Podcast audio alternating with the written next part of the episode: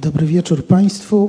Ja się nazywam Łukasz Michalski. Mam zaszczyt i przyjemność kierować Państwowym Instytutem Wydawniczym i dzisiaj, e, co prawda niestety tylko wirtualnie, to wstrętny wirus nam znowu przeszkadza. Będziemy mieli okazję mm, rozmawiać o bardzo niezwykłej książce, a raczej bardzo poważni panowie będą mieli okazję rozmawiać o książce pana profesora Marka Cichockiego. Y, która dla nas jest rzeczą niezwykle istotną, bo mm, w pewnym sensie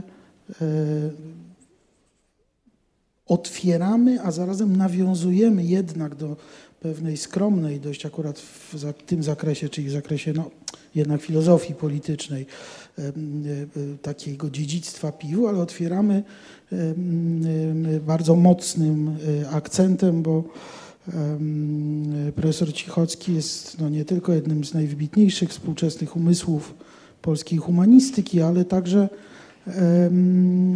przede wszystkim autorem e, całkiem niedawno wydanego przez teologię polityczną e, fenomenalnego eseju e, Północ-Południe, w którym stawia takie bardzo ostre w gruncie rzeczy i, i niezwykle poważne E, intelektualnie tezy, w gruncie rzeczy posługując się bardzo podobną metodą, co w tej książce, to znaczy przy pomocy historii, opowiadając o tym, dlaczego od historii uciec nie możemy i dlaczego nie możemy uciec od pewnego zakorzenienia w konkretnej tradycji politycznej.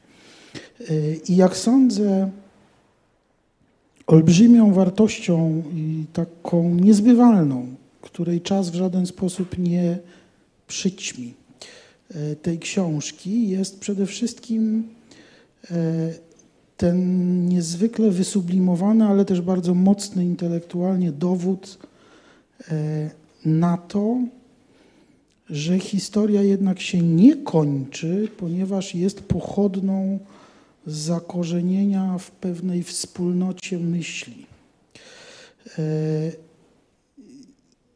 A że oprócz tego mam wielki zaszczyt i przyjemność e, obserwować e, dokonania e, Marka Cichockiego od wielu lat, więc jest dla mnie tym większym szczęściem, że mogłem w jakiś sposób e, i nasze wydawnictwo uczestniczyć w powstaniu tego dzieła.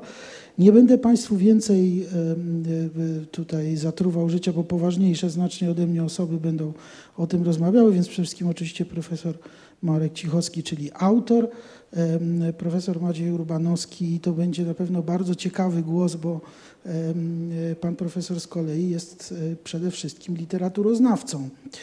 E, właściwie jedynym tutaj e, filozofem e, par excellence, jak rozumiem, jest pan Tomasz Herbi, który tę rozmowę poprowadzi.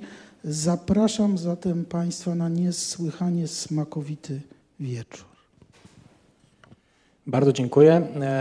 Proszę Państwa, chciałbym rozpocząć nasze spotkanie zatytułowane Czy Zachód dotarł do końca swojej historii Europa i Polska wobec obecnego kryzysu. Na początku jeszcze kilka takich spraw formalnych. Spotkanie organizuje Teologia Polityczna i współpracuje z Państwowym Instytutem Wydawniczym w tym zakresie i spotkanie zostało sfinansowane ze środków Muzeum Historii Polski w ramach programu Patriotyzm Jutra. Zanim przejdziemy do naszej rozmowy, chciałem jeszcze zaprosić widzów, którzy śledzą to spotkanie za pośrednictwem e, naszej transmisji, aby zadawali poprzez czat na kanale YouTube Teologii Politycznej pytania do e, naszych dzisiejszych uczestników debaty. Mm, najciekawsze z tych pytań zostaną nagrodzone e, książką, nową książką profesora Marka Cichockiego, która będzie punktem wyjścia do naszej dzisiejszej rozmowy.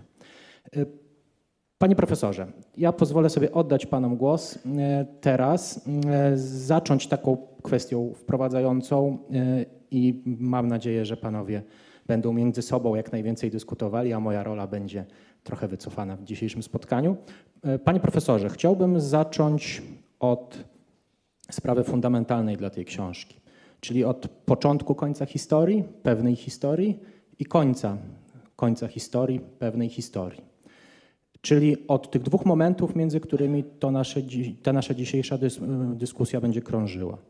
Od początku końca historii, czyli XIX wieku, w którym oczywiście rok 1848 jest bardzo istotną cezurą, i od końca końca historii, czyli naszego czasu.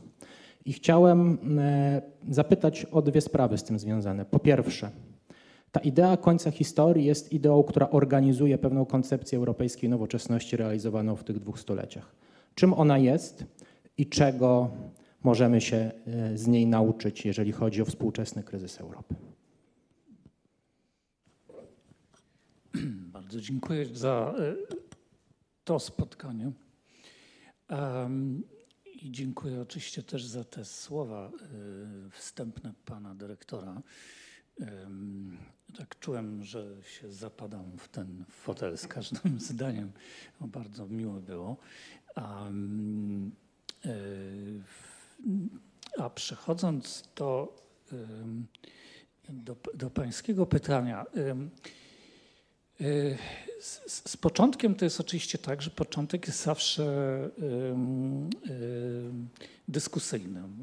Z, zawsze nie wiadomo do końca, w którym momencie ten początek można byłoby y, umiejscowić. Y, Ja to trochę zrobiłem arbitralnie i tam napole- napoleońskie właściwie od takiej pierwszej y, wielkiej europejskiej y, wojny, która się zaczęła wcześniej, um, zaczęła się od 1793 roku i trwała do 1814-15. Um, I była doświadczeniem całego, całego pokolenia, właściwie była doświadczeniem i pokolenia tego, które było wcześniej, y, czyli tych, którzy weszli w tą wojnę jako ludzie dorośli, ukształtowani, którym ta wojna właściwie wywróciła e, świat do góry nogami, jak i też e, no to było bardzo istotne przeżycie dla tego e, pokolenia, które e, w czasach tej wojny w ogóle dopiero przyszło na świat, czy się, czy się e, ten projekt e, no, to też jest taka dosyć arbitralna te- teza, którą ja stawiam. Właśnie się zakończył. O, z- Zamknął się. I w tym sensie ja też, to było taką moją, takim moim motywem, nie do końca zrealizowanym, e, ponieważ e, ta książka jednak jest skoncentrowana na wieku XIX, ale motywem, żeby spojrzeć na e, historię tych dwóch wieków, wieku XIX i wieku XX, jako właśnie historii tego, e, e, te- te- te- tej ewolucji, tego rozwoju idei e, nowoczesności, o którym mówiłem wcześniej, a historii, która, jak powiedziałem, dobiega, mm, dobiega końca. To wydawało mi się ciekawe także, a nawet może przede wszystkim z punktu widzenia polskiego doświadczenia. Dlatego, że na temat wieku XIX powstało w Polsce mnóstwo wyśmienitych książek. Ale ja mam takie wrażenie, że one wszystkie były pisane z perspektywy jednak pewnego czasu niedokończonego. I, i, i, i, w- pewnej takiej psychologicznej sytuacji, y, kiedy y, ludzie żyjący w Polsce mieli cały czas dojmujące poczucie, że coś się nie dokończyło, nie zrealizowało, coś nie mogło się dokonać y, y, z punktu widzenia polskiego y, losu. A dzisiaj jesteśmy w dosyć takiej szczególnej sytuacji, bo z jednej strony oczywiście patrzymy z rosnącym niepokojem w przyszłość, ale z drugiej strony ja bym się upierał, że możemy na wiek XIX i także na wiek XX spojrzeć z perspektywy wspólnoty, która, której udało się coś zamknąć i dokonać. Udało się zamknąć historię XIX i XX wieku y, w sytuacji narodu, który osiadł wreszcie w swoim własnym państwie.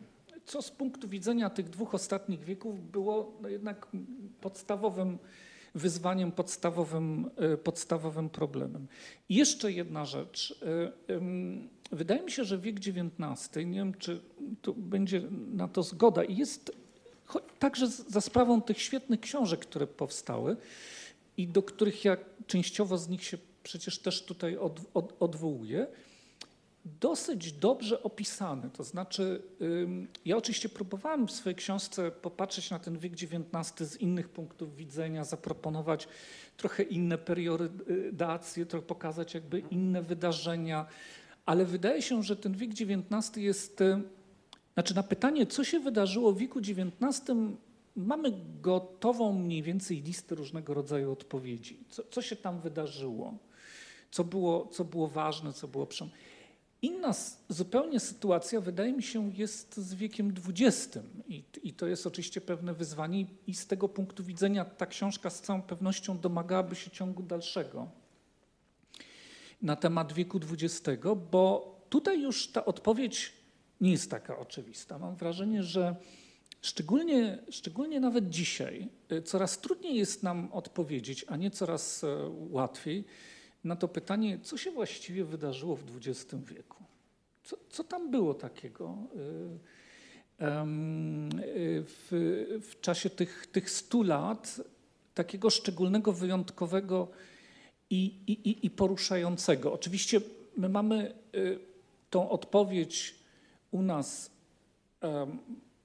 bardzo taką narzucającą się od razu, mianowicie odpowiedź odnoszącą nas do totalitaryzmów, ale mi się wydaje, że, że to nie jest pełna odpowiedź, że czegoś tutaj brakuje, że trochę tak jak z tym wiekiem XIX, który, który, który, który oscylował między tymi dwoma skrajnościami, czy radykalnym indywidualizmem do radykalnego umasowienia, tak samo trochę jest z tym wiekiem XX, że e, jakby on się zaczął rzeczywiście od, od ruchów ideologii totalitarnych, a skończył się no właśnie czym? I tutaj, tutaj trochę brakuje y, takiej y, precyzyjnej odpowiedzi, co się właściwie wydarzyło w wieku XX potem, takiego, że jesteśmy teraz w tej sytuacji, w jakiej jesteśmy i w miejscu, w którym y, dzisiaj się znajdujemy, w poczuciu takim, że właśnie, że pewna historia się skończyła i w ogóle mamy problem z pojęciem historii i z posługiwaniem się y, tym pojęciem do opisu tego, co się tej chwili dzieje i przede wszystkim w stosunku do tego, co nas, co nas czeka. Bardzo dziękuję. Chciałem teraz panu profesorowi Maciejowi Urbanowskiemu przekazać głos. Wiem, że chciałby pan podzielić się z nami zarówno refleksjami z lektury, jak i pytaniami do autora, więc bardzo proszę. Tak, to znaczy takimi refleksjami rzeczywiście trochę e, e, o, charakterze i obronnym, ale też, w, bo to, co powiedział pan dyrektor, rzeczywiście e, no jest tutaj jakby trochę ważne dla mojego takiego samopoczucia w, w tej dyskusji, bo jestem oczywiście bardzo wdzięczny za zaproszenie. Byłem e, także e, kimś, kto wygłaszał laudację właśnie wspomnianej tu północy i południa, którą no właśnie też jako pan od literatury bardzo cenię, jako przykład no znakomitej rzeczywiście eseistyki. I myślę, że, że ta książka także to, to potwierdza, więc literaturoznawca tutaj też będzie, jest w moim przynajmniej przypadku usatysfakcjonowany, choć E, no właśnie też miałem wątpliwości i do końca. Nie wiem, czy jestem tutaj najlepszą osobą do, e, do, do, do, do zabierania e, głosu w dyskusji z trzech powodów. No jestem właśnie historykiem literatury, a książka wykracza jednak poza literaturę. Nie jest to książka o literaturze, choć pojawiają się tutaj nazwiska Sienkiewicza, świetne uwagi o lalce Prusa, jest oczywiście Mickiewicz, Krasiński, Słowacki, pojawia się Brzozowski. E, pojawia się e, Józef Konrad, e, pojawia się też ku mojej pewnej satysfakcji i zaskoczeniu Kazimierz Brodziński. Więc to są, to są też te miejsca, czy Mochnacki, prawda, jako oczywiście bardziej myśliciel polityczny, ale no, literaturoznawca nie jest tutaj jakby od rzeczy. Ale ale jednak y, ta historia czy literatura jest tutaj częścią no, takiego y, bardzo imponująco zarysowanego e, horyzontu lektur, problemów i idei. E, Po drugie, więc to literatura, ale jest filozofia polityki, historia, socjologia, polityka. E, Po drugie, tutaj ta, ta moja e, pewna nie, niewygoda bierze się z tego, że ja czytam literaturę XX wieku, dwudziestolecia. Autor e, zajmuje się, o czym była mowa, wiekiem e, e, XIX. E, I właściwie zatrzymuje się, to też jest jakby pewne pytanie na roku tyś- 1905, prawda? To, to też ten wiek XIX e, trwa właściwie do, do dzisiaj w jakimś sensie, ale, ale pojawia się też z tych cezur oprócz e, Wiosny Ludów rok 905.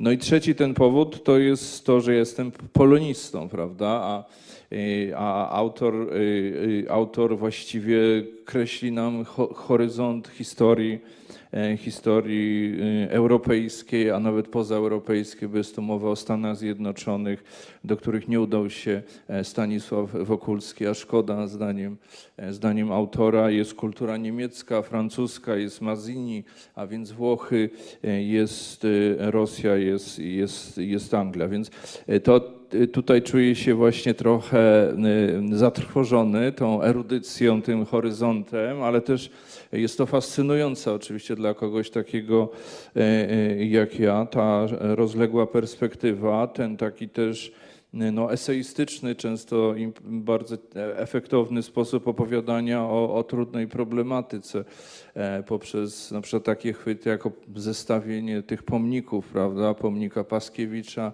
e, i pomnika Poniatowskiego, które e, toczyły specyficzną walkę na krakowskim przedmieściu i, i, i to jest też e, punkt wyjścia do bardzo e, ciekawej refleksji e, e, o, o charakterze właśnie takim historyczno-literackim.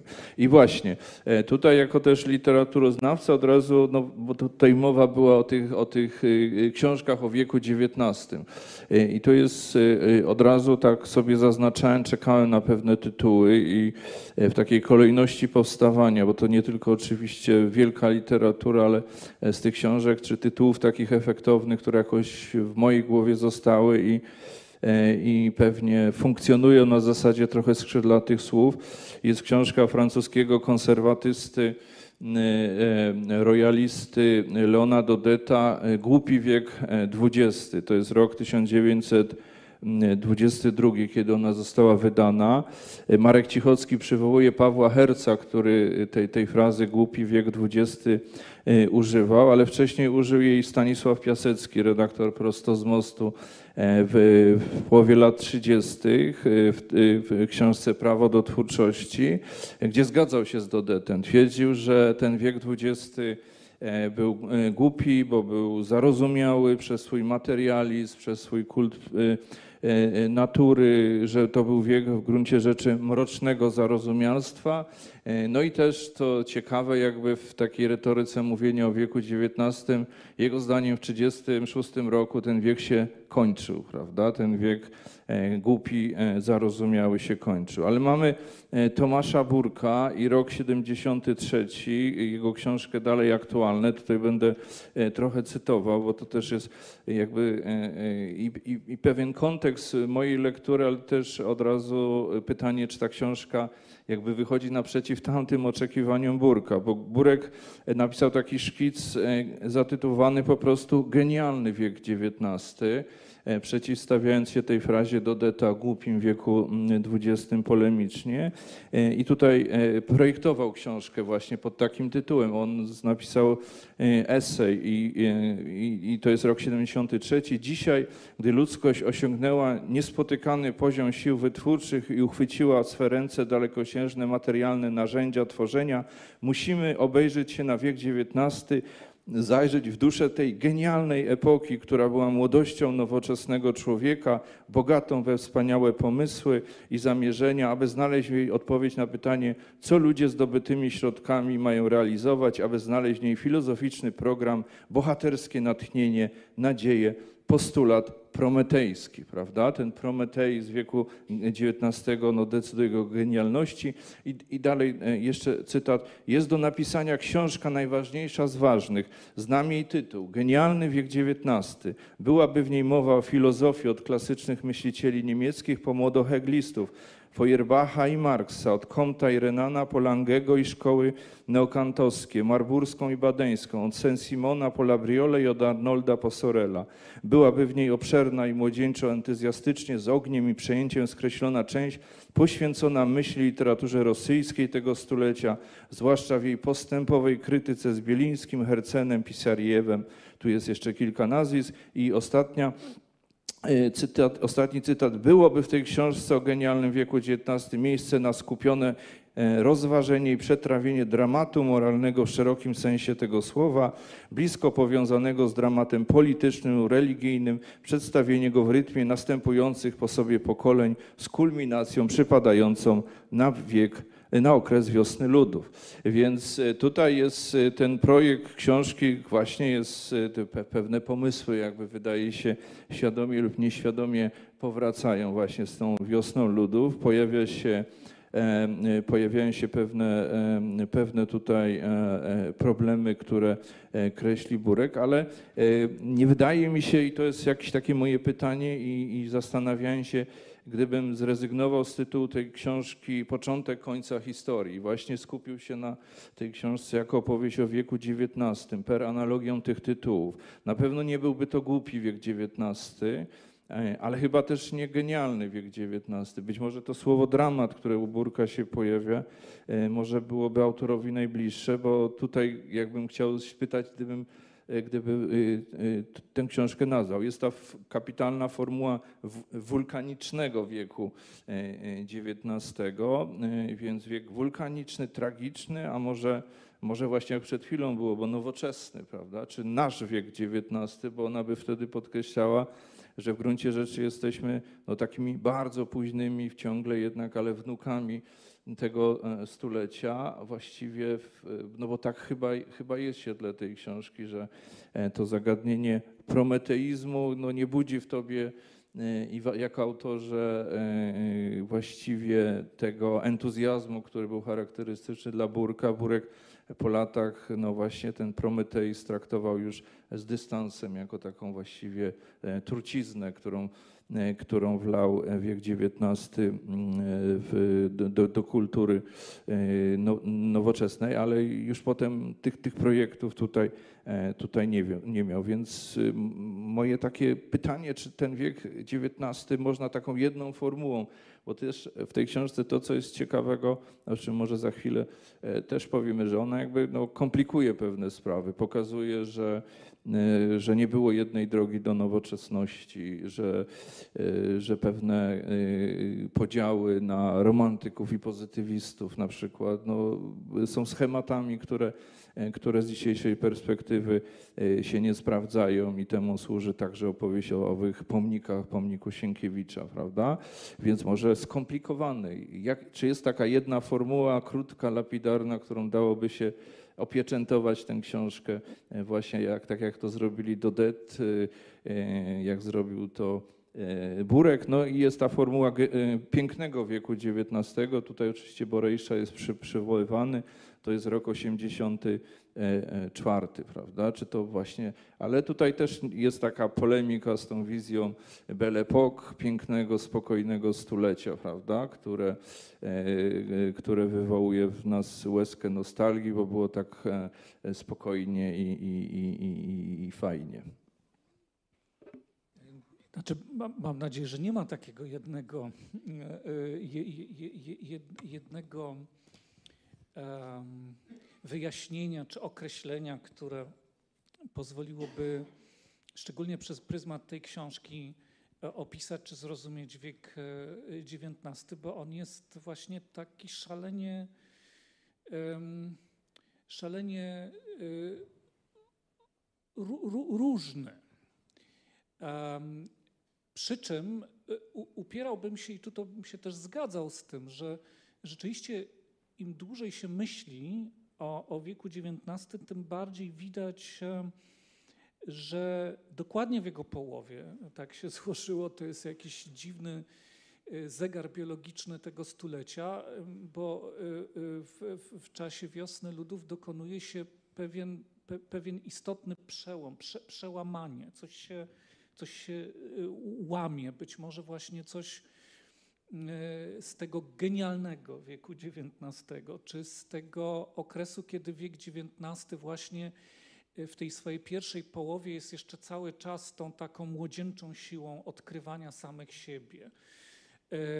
Czasami takiego mm, kompletnie szalonego odkrywania y, siebie, czasami kompletnie nieodpowiedzialnego, ale jednak e, takiego inspirującego, entuzjastycznego, młodego, prometejskiego. To, to rzeczywiście przełamuje się y, w okresie wiosny ludów, gdzie do głosu dochodzi coś zupełnie innego. Coś, co zresztą przez wielu ludzi, e, którzy zaangażowani byli po stronie tego genialnego prometejskiego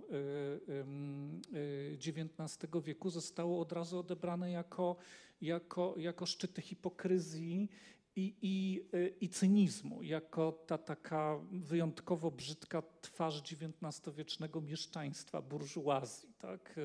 tych, którzy tak naprawdę są zainteresowani tylko i wyłącznie pieniędzmi i władzą. I o nic innego im e, nie, nie, nie chodzi. Gdzieś do zderzenia się tych, tych różnych sił właśnie dochodzi w tym czasie kulminacji e, w czasie wiosny ludów i później rzeczywiście trudno byłoby mi określić ten wiek XIX jako genialny. A on się staje imponujący za sprawą swoich niezwykłych dokonań, których wcześniej ludzie nie widzieli, bo to jest cały niebywały, rozpędzający się postęp technologiczny, naukowy, Mm, e, ekonomiczne, ale jednocześnie, tak jak powiedziałaś, ten świat, który przedstawia się jako taki odważny, imponujący, e, silny, niepowstrzymany, nie czerpie już z tego wcześniejszego entuzjazmu, z tego wulkanicznego e, ożywienia, tylko zaczyna być podszyte czymś, co, co, co moim zdaniem rzeczywiście no między innymi przez niczego zostało wydobyte w taki bardzo gwałtowny i czasami no, y, y, budzący różnego rodzaju kontrowersje sposób, y, mianowicie wzbierający nihilizm, pustka. I dlatego też ja tą drugą część raczej opisywałem przez pryzmat imperializmu w czasie nihilizmu. E, I to połączenie tych dwóch e, sił, e, imperializmu rozumianego trochę inaczej niż, niż w marksizmie, bo oczywiście jest cała ta tradycja marksistowska, do której też potem będzie Hannah Arendt nawiązywać i tak dalej, patrzenia na imperializm tylko i wyłącznie z tej perspektywy mm, eko ekonomicznej, eksploatacji, wyzysku i tak dalej, i tak dalej. Ja raczej patrzę na, na, na, na imperializm europejski, który też był absolutnie w tamtym czasie bardzo dojmującym doświadczeniem y, naszym, po, polskim tutaj, prawda? Jako, jako pewien rozwinięty system e, władzy, czy też sojuszu między władzą polityczną, kapitałem, nauką i e, nacjonalizmem, e, który, jak powiedziałem, nagle zawisł w próżni w próżni nihilizmu, która została wydobyta na światło dzienne przez takich ludzi jak, jak, jak, jak Nietzsche, czy takich ludzi jak, jak Dostojewski. Um, i, I tutaj już rzeczywiście ja widzę tą drugą część XIX wieku jako zapowiedź tego, co nastąpi później, a jako pewnego etapu przygotowawczego do tego, co spotka e, ludzi na naszym kontynencie w pierwszej połowie XX wieku. A w związku z tym, e, ja nawet tam w pewnym momencie proponuję taką periodyzację, która jest niszczycielska z punktu widzenia historycznego spojrzenia na XIX wiek, bo właściwie proponuję, żeby może ten wiek XIX rozłamać, i, e, i spojrzeć na ten wiek XIX trochę inaczej, jakby zaczynając nawet od drugiej połowy XVIII wieku, doprowadzając do wiosny ludów i później jakby też jakby do, do, dostrzec to należałoby, że wchodzimy w jakby zupełnie inny, inny świat, który się zaczyna po tej wiośnie ludów, który nas doprowadzi do, do, do II wojny światowej. Czyli rozumiesz, że, że jakby twoim zdaniem nie ma takiej jednej e, twojej formuły, którą, którą dałoby się te, ten XIX wiek e, nazwać, tak? Bo tutaj krążysz wokół tego genialnego wieku, ona by się przydała, jak rozumiem, tylko do, do tej jednej wczesnej fazy. E, później to jest jakiś inny wiek XIX, niegenialny albo właśnie, nie wiem, zimny E, czy, czy, czy inna ta formuła głupiego wieku XIX cię jakoś przekonuje, czy nie?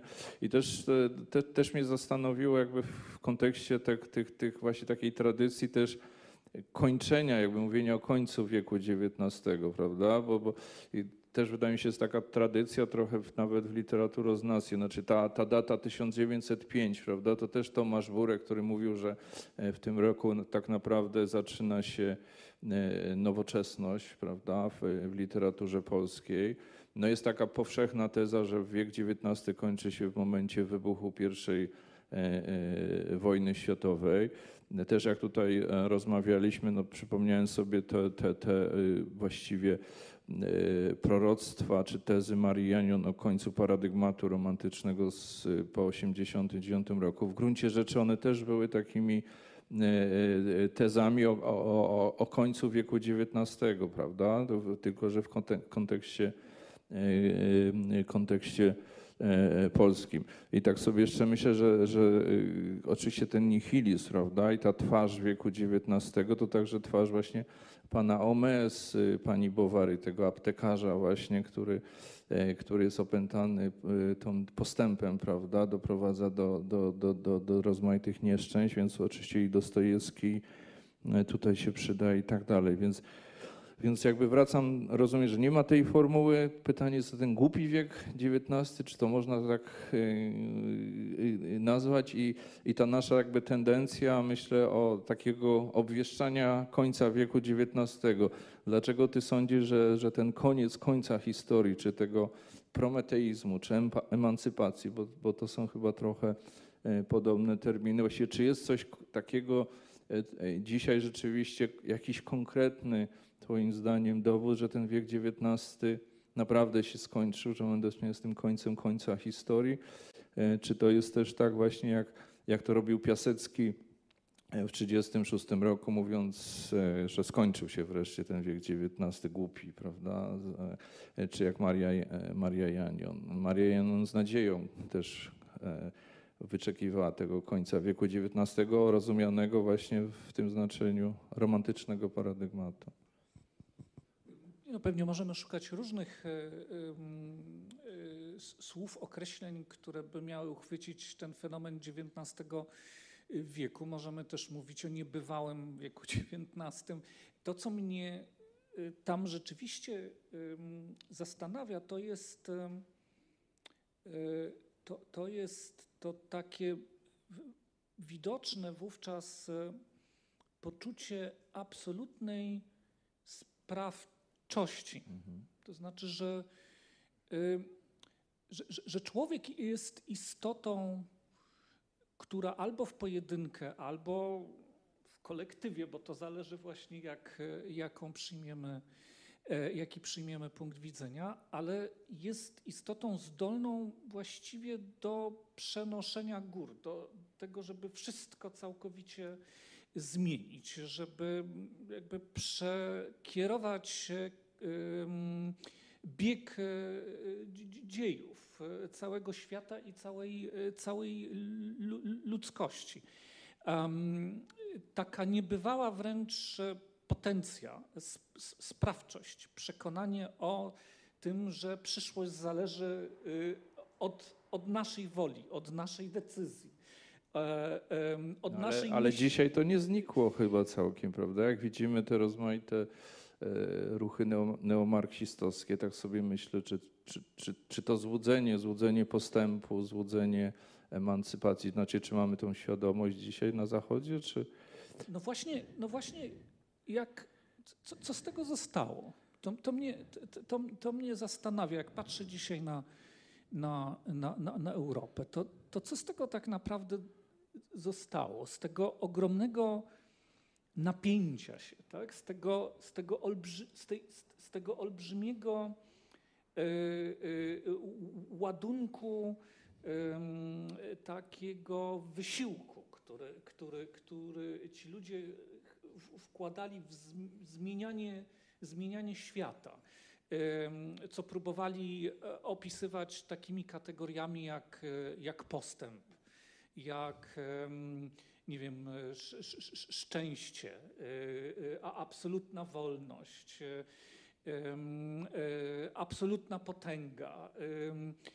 Co z tego tak naprawdę zostało? Dzisiaj Europa jest pozbawiona mocy, pozbawiona pewności siebie całkowicie, nie, nie wierzy w siebie. O, oczywiście mamy cały czas, ale to są dla mnie powidoki, y, powidoki tego dawnego natężenia się, te, te, te różnego rodzaju próby przekonania wszystkich na świecie i też samych siebie, że jesteśmy w dalszym ciągu w stanie albo dyktować e, to, jak świat ma wyglądać, podczas gdy już e, nie tylko, że mm, nie mamy takiej możliwości, bo jesteśmy słabi, a inni są silni, ale także dlatego, że sami tak naprawdę już głęboko w ogóle w to nie mm. wierzymy. Nawet przy tych wszystkich, e, mówiłeś o no, marksistowskich różnych koncepcjach, ale na, nawet tutaj jakby Widać, że to się wszystko dzieje bez poczucia, że rzeczywiście mhm. historia jest za nami i pcha nas, i pcha nas do, do, do, do, do przodu. Y, wydaje mi się, że niewiele z tego po prostu dzisiaj zostało i że z tym doświadczeniem XIX wieku i także tym dwudziestowiecznym doświadczeniem, z tym doświadczeniem prometeizmu, młodości, tej sprawczości pozwalającej zmieniać e, świat podług e, swoich przekonań czy swojej woli, niewiele dzisiaj coś zostało. No ale, ale też zastanawiam czy to teraz jak mówisz, czy cię to martwi, czy cieszy, bo, bo też to, to jest akurat też takie coś bardzo ważnego. Jednak, bo ty ten, o tym wieku XIX jakby piszesz, no pamiętając o tu i teraz, takie mam wrażenie, że to jest E, to jest książka no, bardzo, bardzo aktualna i pisana z bardzo tak mocno uświadamianego punktu widzenia, w którym się znajdujemy. E, I, i piszesz, e, że utrata historycznej wrażliwości to polityczna słabość Europejczyków. Tak? I rozumiem, że jednym z, jakby z powodów też napisania tej książki jest, jest no, trochę też jakby E, rzecz na e, obudzenie te, czegoś, co nazwać polityczną, tą historyczną wrażliwością, tak? Ale właśnie raz, e, więc z jednej strony mamy takie poczucie tej bezsiły Europejczyków, tak? Nie wpływamy na historię. Brzozowski znowu pisał takiej bezdziejowości, prawda, swoich współczesnych. Irytowało go, że, że współcześni są przekonani, Polacy zwłaszcza, że historia jakby no, toczy się właśnie według jakichś e, deterministycznych praw. E, jednostka i, i naród nie ma na nią, e, na nią wpływu i w związku z, to, z tym żyjemy sobie jak w tym limburskim serze, prawda? Jak to w legendzie Młodej Polski pisał Brzozowski. Więc ta bezdziejowość go irytowała i, i, i tutaj też ta twoja kapitalna formuła tego takiego alarmizmu, prawda? Wyrywania z drzemki współczesnych Polaków po to, żeby e, no żeby e, robić historię, prawda? E, dzisiaj, jak rozumiem, współcześni Europejczycy, nie wiem czy Polacy, Twoim zdaniem, no nie mają już tego złudzenia, że można robić historię, tak? Że można wpływać na historię, a z drugiej strony, no mówisz o tej historycznej wrażliwości. Jak, jak, jak to rozumiesz? Dlaczego to jest właściwie polityczna słabość Europejczyków? Znaczy, tu pewnie trzeba byłoby troszeczkę rozgraniczyć, bo mm, ta książka jest e, rzeczywiście dwuwarstwowa, bo ona jest um, o, o ewolucji Europy w XIX wieku, ale też w tej drugiej warstwie o polskim doświadczeniu. Um, na tym tle albo w tej ramie. W każdym razie te polskie doświadczenie tworzy troszeczkę taką oddzielną, aczkolwiek nie odseparowaną warstwę tej, tej książki. Dlatego, że oczywiście to polskie doświadczenie XIX wieku jest, jest, jest inne, ponieważ nasza sytuacja była uwarunkowana w inny sposób w zakresie szczególnie tego procesu modernizacji i emancypacji, o którym tutaj mówimy. I teraz ja stawiam taką tezę, że pomimo tego, oczywiście podstawowym uwarunkowaniem, które nas tutaj odróżniało, było to, że odebrano nam możliwość posiadania własnego państwa jako podstawowego instrumentu uczestniczenia w tych procesach. Pomimo tego udało się Polakom dokonać imponującej moim zdaniem transformacji i w sferze kultury, jak i w sferze polityki i społeczeństwa. Jakby udało się dokonać nam tą naszą własną drogą, jeszcze pod presją znajdując się innych, którzy cały czas starali się nas tutaj sformatować po swojemu, udało nam się dokonać własnej modernizacji. I teraz to zaprowadziło nas do momentu, który nazywam końcem końca historii, a co jest tymczasem już po końcu zimnej, zimnej wojny. Do momentu, który ja odbieram jako moment, z którego Polacy powinni mieć głęboką historyczną satysfakcję, niezależnie od tego, jak będziemy oceniać transformację, która w Polsce się odbyła w ostatnich 30 latach. Możemy mieć bardzo krytyczny stosunek do tej transformacji, ale będę twierdził, że nie powinno to nam odbierać historycznej satysfakcji z tego, że udało nam się u końca historii europejskiej nowoczesności dotrzeć do momentu, w którym mamy swoje własne państwo i jesteśmy narodem, który chce rządzić się podług swoich własnych zasad i który spiera się ze sobą także o najbardziej podstawowe rzeczy, chociażby No tak, no bo to jak, twoja książka, jak mogę się wtrącić, no to kończy się, czy ma taki właściwie sobie happy end trochę, jeżeli chodzi o ten, o ten, o ten, e, o ten po, polskie doświadczenie, zwłaszcza, bo ja sobie wypisałem, da- dając znak zapytania na marginesie, dzisiaj Polacy mogą po swojemu, w sposób nieskrępowany budować swoją formę e, europejskiej nowoczesności, prawda? I dając sobie taki znak zapytania, czy, to, czy tak jest, czy to jest e, e, złudzenie, czy, czy, czy- nie. Oczywiście e, ulegając takiej presji chwili, to znaczy patrząc na to, co dzieje się e, w relacjach Polska-Parlament Europejski, czy rzeczywiście jesteśmy tutaj mm, y, i, i czy będziemy jako, jako naród, jako państwo siłą sprawczą, ale być może to jest złudzenie znowu takiego właśnie gazetowego trochę y, notowania czy czytania pewnych, y, pewnych książek, ale to jest taki y, właściwie pozytywny wygłos twojej, y, twojej książki, tak? Że, że... My, my, my, my wszyscy żyjemy pod presją jakby, y, y, co- codziennych, bieżących informacji, które nas przytłaczają i które sprawiają, że, że, że tak, że mamy niezbyt dobry nastrój albo uważamy, że wszystko już zostało stracone i nic nie ma Tak. sensu. E, zawsze tak było. E, ja jednak proponuję spojrzeć na to inaczej. Oczywiście, że Polacy mogą dzisiaj sami decydować o swojej przyszłości, co nie znaczy, że mogą to robić w sposób zupełnie nieskrępowany i e, w sytuacji pełnego komfortu.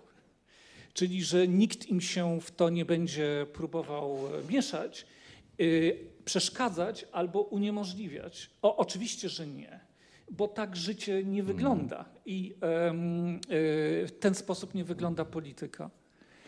Um, I powinniśmy raczej przyzwyczaić się do tego jako do czegoś e, może nienormalnego, ale takiego, z czym jakby musimy się za każdym razem umieć, e, umieć zmierzyć. Natomiast no, trudno mi się zgodzić e, z takimi porównaniami, z których by wynikało, że właściwie nie ma różnicy między naszą dzisiejszą sytuacją, a tym, co nie wiem, było po rozbiorach Polski, albo y, tym, co było, nie wiem, w PRL-u. No, nie, nie, nie jestem w stanie przyjąć takiego punktu widzenia. Myślę, że tego typu y, zrównania są po prostu nie. y, nie, nie No, ale nie- jak, nie- ja bym, nie- jak nie- mógłbym, dodać, bo też sobie z takich cytatów, które wydają się jakoś tam celne, tego, tego dużo jest, e, ale też no, jako dla osoby zajmującej się no, polską kulturą, literaturą, bo tutaj mówiłeś o tym takim sukcesie Polaków, tej, przy tej innej drodze do nowoczesności.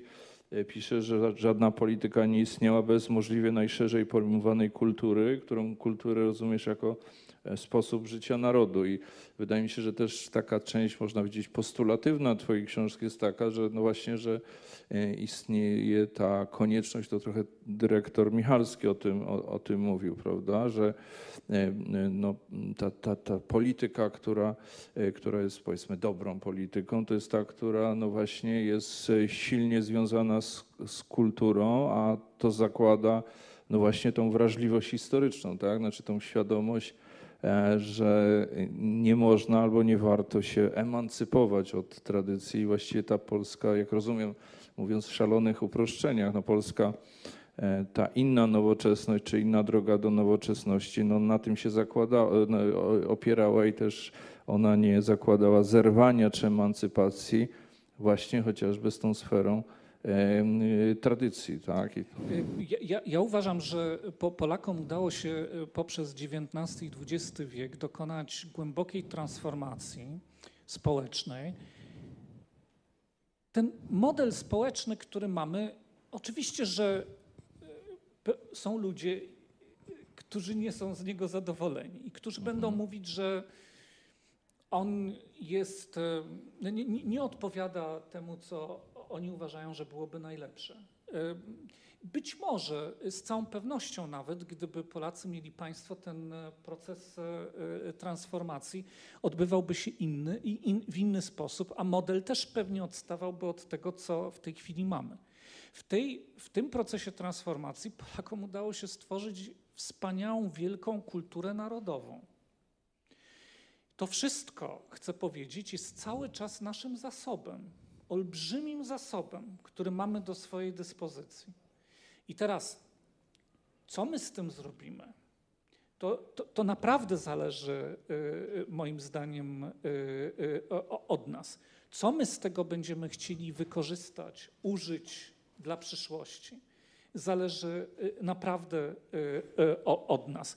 Oczywiście, że nie w sytuacji komfortowej, i nie w takiej, w której em, będziemy wolni od nacisków i presji ze strony innych albo zagrożeń, bo przecież e, nikt nie jest w stanie zagwarantować i powiedzieć, e, że nie czekają nas e, ciężkie próby, e, że być może przed nami są ciężkie czasy również, e, e, ale jesteśmy już jakby w zupełnie innym miejscu, po zupełnie innym doświadczeniu, mając e, e, do dyspozycji ten zasób. em, uważam, jesteśmy w zupełnie innej sytuacji. A, I to naprawdę nie jest zła sytuacja. To, to, to nie jest zła sytuacja. Byliśmy w zdecydowanie e, nie, no, gorszej to i ja oczywiście to rozumiem, tylko I że z tego Mhm. punktu widzenia rzeczywiście ja to oceniam pozytywnie. Jestem, Mhm. je- jestem jak najbardziej optymistą. Natomiast am, czy nam się uda, jak powiedziałem, to wykorzystać? Czy nam się uda e, stworzyć dla siebie jakąś nową wizję samych siebie, którzy będą dalej istnieć w przyszłości, no to to jest jakby. Ale rozumiem, pytanie, że które- jakby dla nas dzisiaj to, to ten wiek. XIX jest, jest nie tylko jakby materiałem do przemyślenia, ale też pewnym kapitałem, tak? Znaczy ten nasz wiek e, XIX, myślę o tej, tej polskiej części. Tak? Ja, ja, ja, ja się czasami spotykam z takimi opiniami, mm, na przykład młodszych kolegów, którzy twierdzą, że właściwie to jest e, e, kompletnie historia, przeżytek, że to są doświadczenia i wartości, które są nieprzystawalne do dzisiejszego świata i że tak naprawdę to jest coś, e, z czego lepiej zrezygnować, bo nas to obciąża albo właśnie wyróżnia w jakiś zły sposób na tle innych. E, Całkowicie się z tym nie zgadzam. Dokładnie uważam to za nasz bezcenny, wyjątkowy w Europie zasób. Liczba przeróżnych strategii istnienia polskości w XIX i XX wieku jest czymś, do czego my cały czas możemy się odwoływać. I to jest coś, co nas wzmacnia, co nas czyni innymi, bardziej w moim odczuciu em, odpornymi na różnego rodzaju wydarzenia, z którymi mamy do czynienia także dzisiaj. Inne społeczeństwa, te, które mają ciągłość historyczną, społeczną, e, pa, po- polityczną, państwową, tak? te, te takie ustrukturyzowane, wydają nam się takie so, solidne, ale one w pewnym sensie właśnie poprzez tą swoją jednowymiarowość, poprzez e, to, że są tak e, silnie ustrukturyzowane poprzez swoją trwałość, mogą okazywać się w pewnych warunkach o wiele słabszymi. I wydaje mi się, że z tego punktu widzenia jakby polskie doświadczenie jest właśnie czymś, e, czymś wyjątkowo nas wzmacniającym, a nie osłabiającym. Bardzo dziękuję. A teraz, jeżeli mogę się, chciałbym włączyć y, do dyskusji panów, właściwie z jedną uwagą, którą chciałem dodać od siebie, a później chciałem zadać także pytania od naszych y, widzów. Y, Bo to, co bardzo mocno wybrzmiewa y, w pierwszym rozdziale książki pana profesora, to jest także to przekonanie, że sytuacja końca, końca historii otwiera przed nami przyszłość jako sferę tego, co możliwe, a nie sferę tego, co określone. Tak? I właśnie w tym kontekście tak otwartej przyszłości i tego też doświadczenia wolności rozumianej jako coś więcej niż możliwość realizowania swojego interesu, yy, tylko wolności właśnie jako tak pojętej przestrzeni możliwości, która się otwiera przy końcu końca historii. Właśnie w tej sytuacji ta polska tradycja z jej yy, różnorodnością strategii trwa, przetrwania, z jej różnorodnością też sposobów reagowania na wyzwania tego nowoczesnego świata XIX i XX wieku, miałaby być bezcennym zasobem, który umożliwia nam właśnie odnalezienie się e, w kontekście dzisiejszej sytuacji. I tutaj chciałem tylko zadać pytanie, czy ta interpretacja jest słuszna, tak? Znaczy, czy pan profesor podziela takie odczytanie tego? Tak? To się, to się bardzo cieszę i dla mnie to też jest coś takiego bardzo, mm, bardzo ożywczego w tej książce, tak? Znaczy coś, co ją rzeczywiście otwiera na nie tylko perspektywę naszej sytuacji, ale też perspektywę tego, co my zrobimy z tą naszą sytuacją. Bardzo dziękuję. E, Zadam pytania może w takim razie od internautów. E, Pierwsze pytanie e, zadała osoba o imieniu Marcin, tak przynajmniej się podpisała na czacie i dotyczy ona tego, czym jest współcześnie europejska nowoczesność, co ją definiuje. Pan profesor w książce poświęca temu sporo uwagi, to znaczy tej próbie określenia tego, czym jest ta koncepcja nowoczesności. No właśnie, jak mógł pan profesor odpowiedzieć na to pytanie? Znaczy, to, to jest. e, em, Znaczy, określają bardzo różne e, em, e, idee i zjawiska, e, bo to jest cały proces e, powstawania narodów jako wspólnot samostanowiących się. To jest kapitalizm, to jest demokratyzacja. To jest oczywiście cała sfera postępu na- na- naukowego i technologicznego, który składa się na, e, na e- e- europejską, zachodnią e, nowoczesność. Problem tylko w tym, że Zachód stworzył nowoczesny świat, który go dzisiaj przerósł i zostawił. E, To, to jest trochę tak, że e, Zachód w XIX i XX wieku uruchomił coś, nad czym już dzisiaj całkowicie nie panuje i czym nie kieruje. E, I z tego punktu widzenia, no, mówię właśnie o końcu, końcu pewnej historii.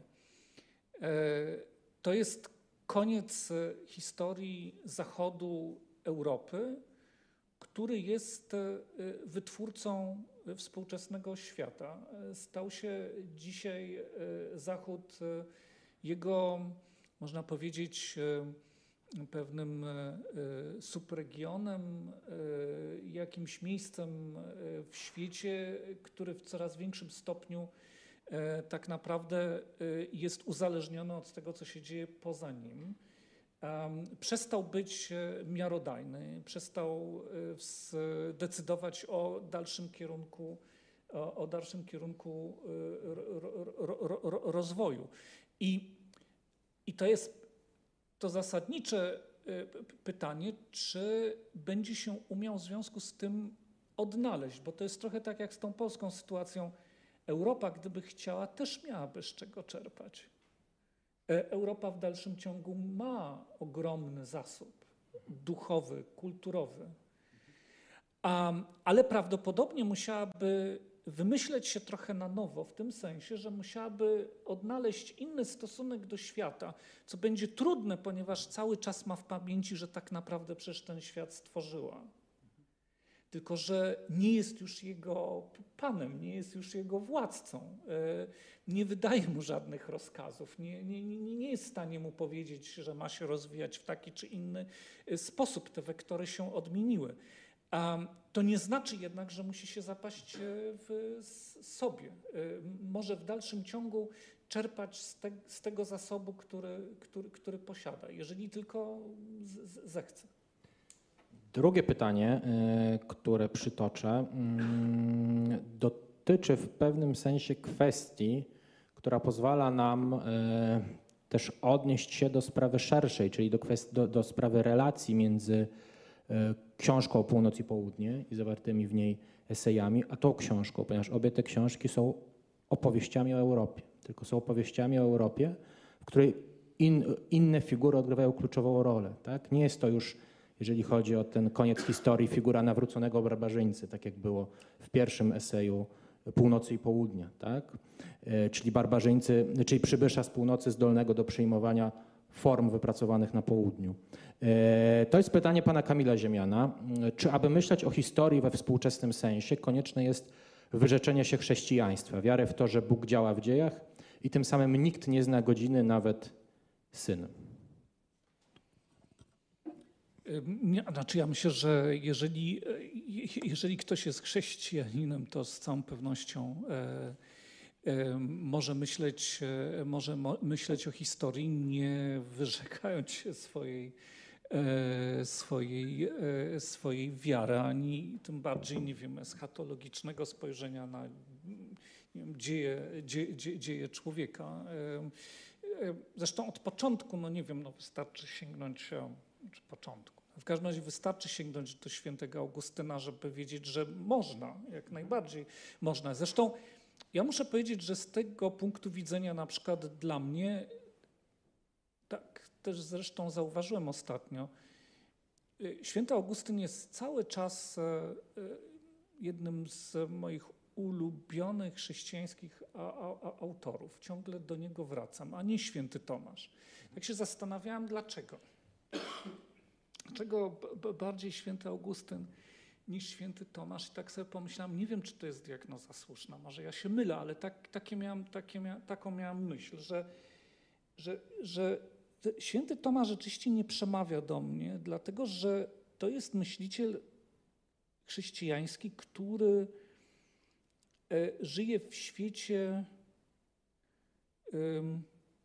uporządkowanym to jest świat, można powiedzieć, w momencie swojego takiego pełnego uporządkowania, e, gdzie e, nie, nie, nie, pojawiają się skrajne pytania o sens tego, co jest, ani o przyszłość tego, co będzie. Podczas gdy święty Augustyn oczywiście e, lubię cały czas go czytać, bo to jest myśliciel, to jest człowiek, który żyje w momencie, kiedy wszystko się rozpada.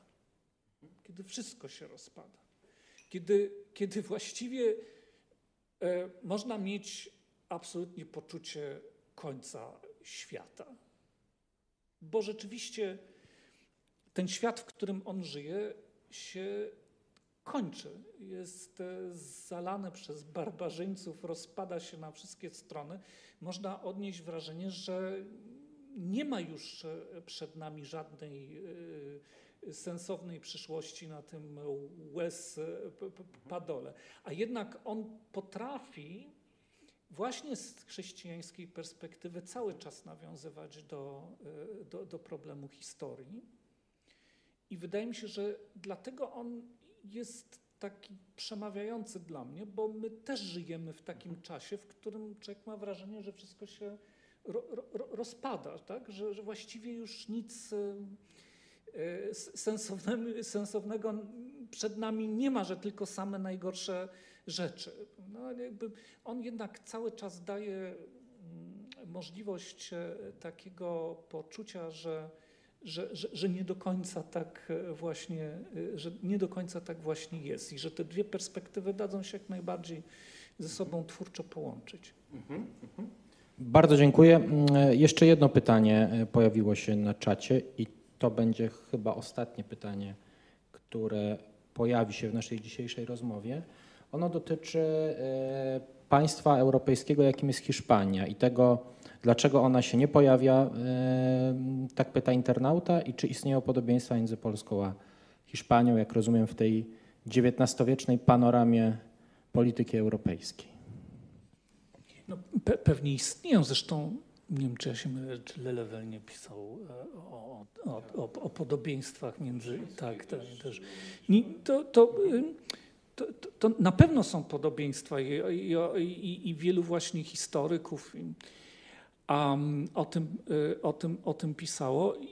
To pewnie jest jakaś moja osobista ujemność, u, u, taka ułomność. Ja, ja, ja rzeczywiście nie, nie, nie, odczuwam do Hiszpanii żadnych y, emocjonalnych, takich bliższych y,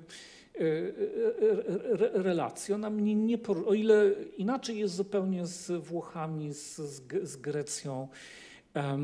Hiszpania jest dla mnie czymś. Ale generalnie południe jest jakby mniej obecny w, tej, w XIX wieku, w tej książce właśnie tam, bo to jest to pytanie. Bo jakby, no nie chcę się wcinać tutaj, bo to ostatnie pytanie, ale rzeczywiście, bo tu było to pytanie o relację tych dwóch książek północ, e, południe i, i te i one są w jakimś sensie komplementarne, ale też jak popatrzeć na te właśnie osie północ, południe, wschód, zachód, bo one były tam w tej poprzedniej książce e, ta, ta, ta, ta oś kontestowana właśnie wschód, zachód do pewnego stopnia. Natomiast tutaj no, rzeczywiście pojawia się Mazzini, jest mowa o tej włoskiej e, drodze prawda, do, do, do niepodległości, ale generalnie jakby ta, ta, ta, ta część jakby e, Europy, ale to oczywiście jest pytanie, no, to nie jest nawet pretensja, tylko spostrzeżenie, bo to, to jest jakby urok tej książki, że ona w takich syntetycznych rzutach biograficznych, właśnie komparatystycznych pokazuje pewną całość i nie wiem, czy ona by się zmieniła, gdyby tam jakieś właśnie pojawiły się nazwiska hiszpańskich myślicieli, e, włoskich, greckich, nie wiem. Pewnie można byłoby je, e, wszystko to o tych autorów i o te punkty widzenia wzbogacić, ale rzeczywiście e, tematem, tematem tej książki jest jednak mm, nowoczesność. E, no, ja zresztą tam piszę, jeżeli mówimy o nowoczesności czy o modernizacji, także z polskiego punktu widzenia, punkty odniesienia są już zupełnie inne, prawda? To będzie y, oczywiście Anglia, to będzie Francja, no i to oczywiście będzie problem naszej relacji z tą nowoczesnością nam aplikowaną, y, odgórną, y, ordynowaną przez tych, którzy nas pod batem trzymali, więc to, to jest zupełnie inna już historia i ten, o, ta oś faktycznie y, sporu przebiega zupełnie inaczej niż w przypadku tej y, wcześniejszej książki, która dotyczyła no jednak nie nowoczesności, tylko, tylko, tylko kultury europejskiej. Zresztą tu się trochę to pojawia, bo tam w pewnym momencie jest e, taki wątek, który jest dla mnie ważny, relacji między europejską cywilizacją, europejską kulturą, e, co wydaje mi się zagadnieniem w ogóle wartym głębszego rozpracowania, bo ono dosyć dobrze też odnosi nas do dzisiejszych naszych e, problemów, które mamy w Europie. Bardzo dziękuję. Proszę Państwa, e, e, ja chciałem bardzo podziękować e, panom profesorom za dzisiejsze spotkanie. E, Panu profesorowi Markowi Cichockiemu, autorowi książki, panu profesorowi Maciejowi Urbanowskiemu, który wziął udział w naszym dzisiejszym spotkaniu. E, Chciałem także e, bardzo podziękować e, Państwowemu Instytutowi Wydawniczemu e, którym, którym, w którego siedzibie mogliśmy tę debatę odbyć i oczywiście, który jest wydawcą książki e, pana profesora Marka Cichockiego, najnowszej książki. Bardzo Państwu dziękuję także wszystkim widzom, którzy wzięli udział w naszym dzisiejszym spotkaniu. Spotkaniu, które, co jeszcze chciałem na koniec y, w kwestii z przyczyn formalnych podkreślić, było dofinansowane przez Muzeum Historii Polskiej w ramach programu Patriotyzm Jutra. Bardzo serdecznie wszystkim Państwu dziękuję. E, No i oczywiście osoby, które e, zadały pytania mogą liczyć na te upominki książkowe, które zapowiadałem na początku. Dziękuję bardzo.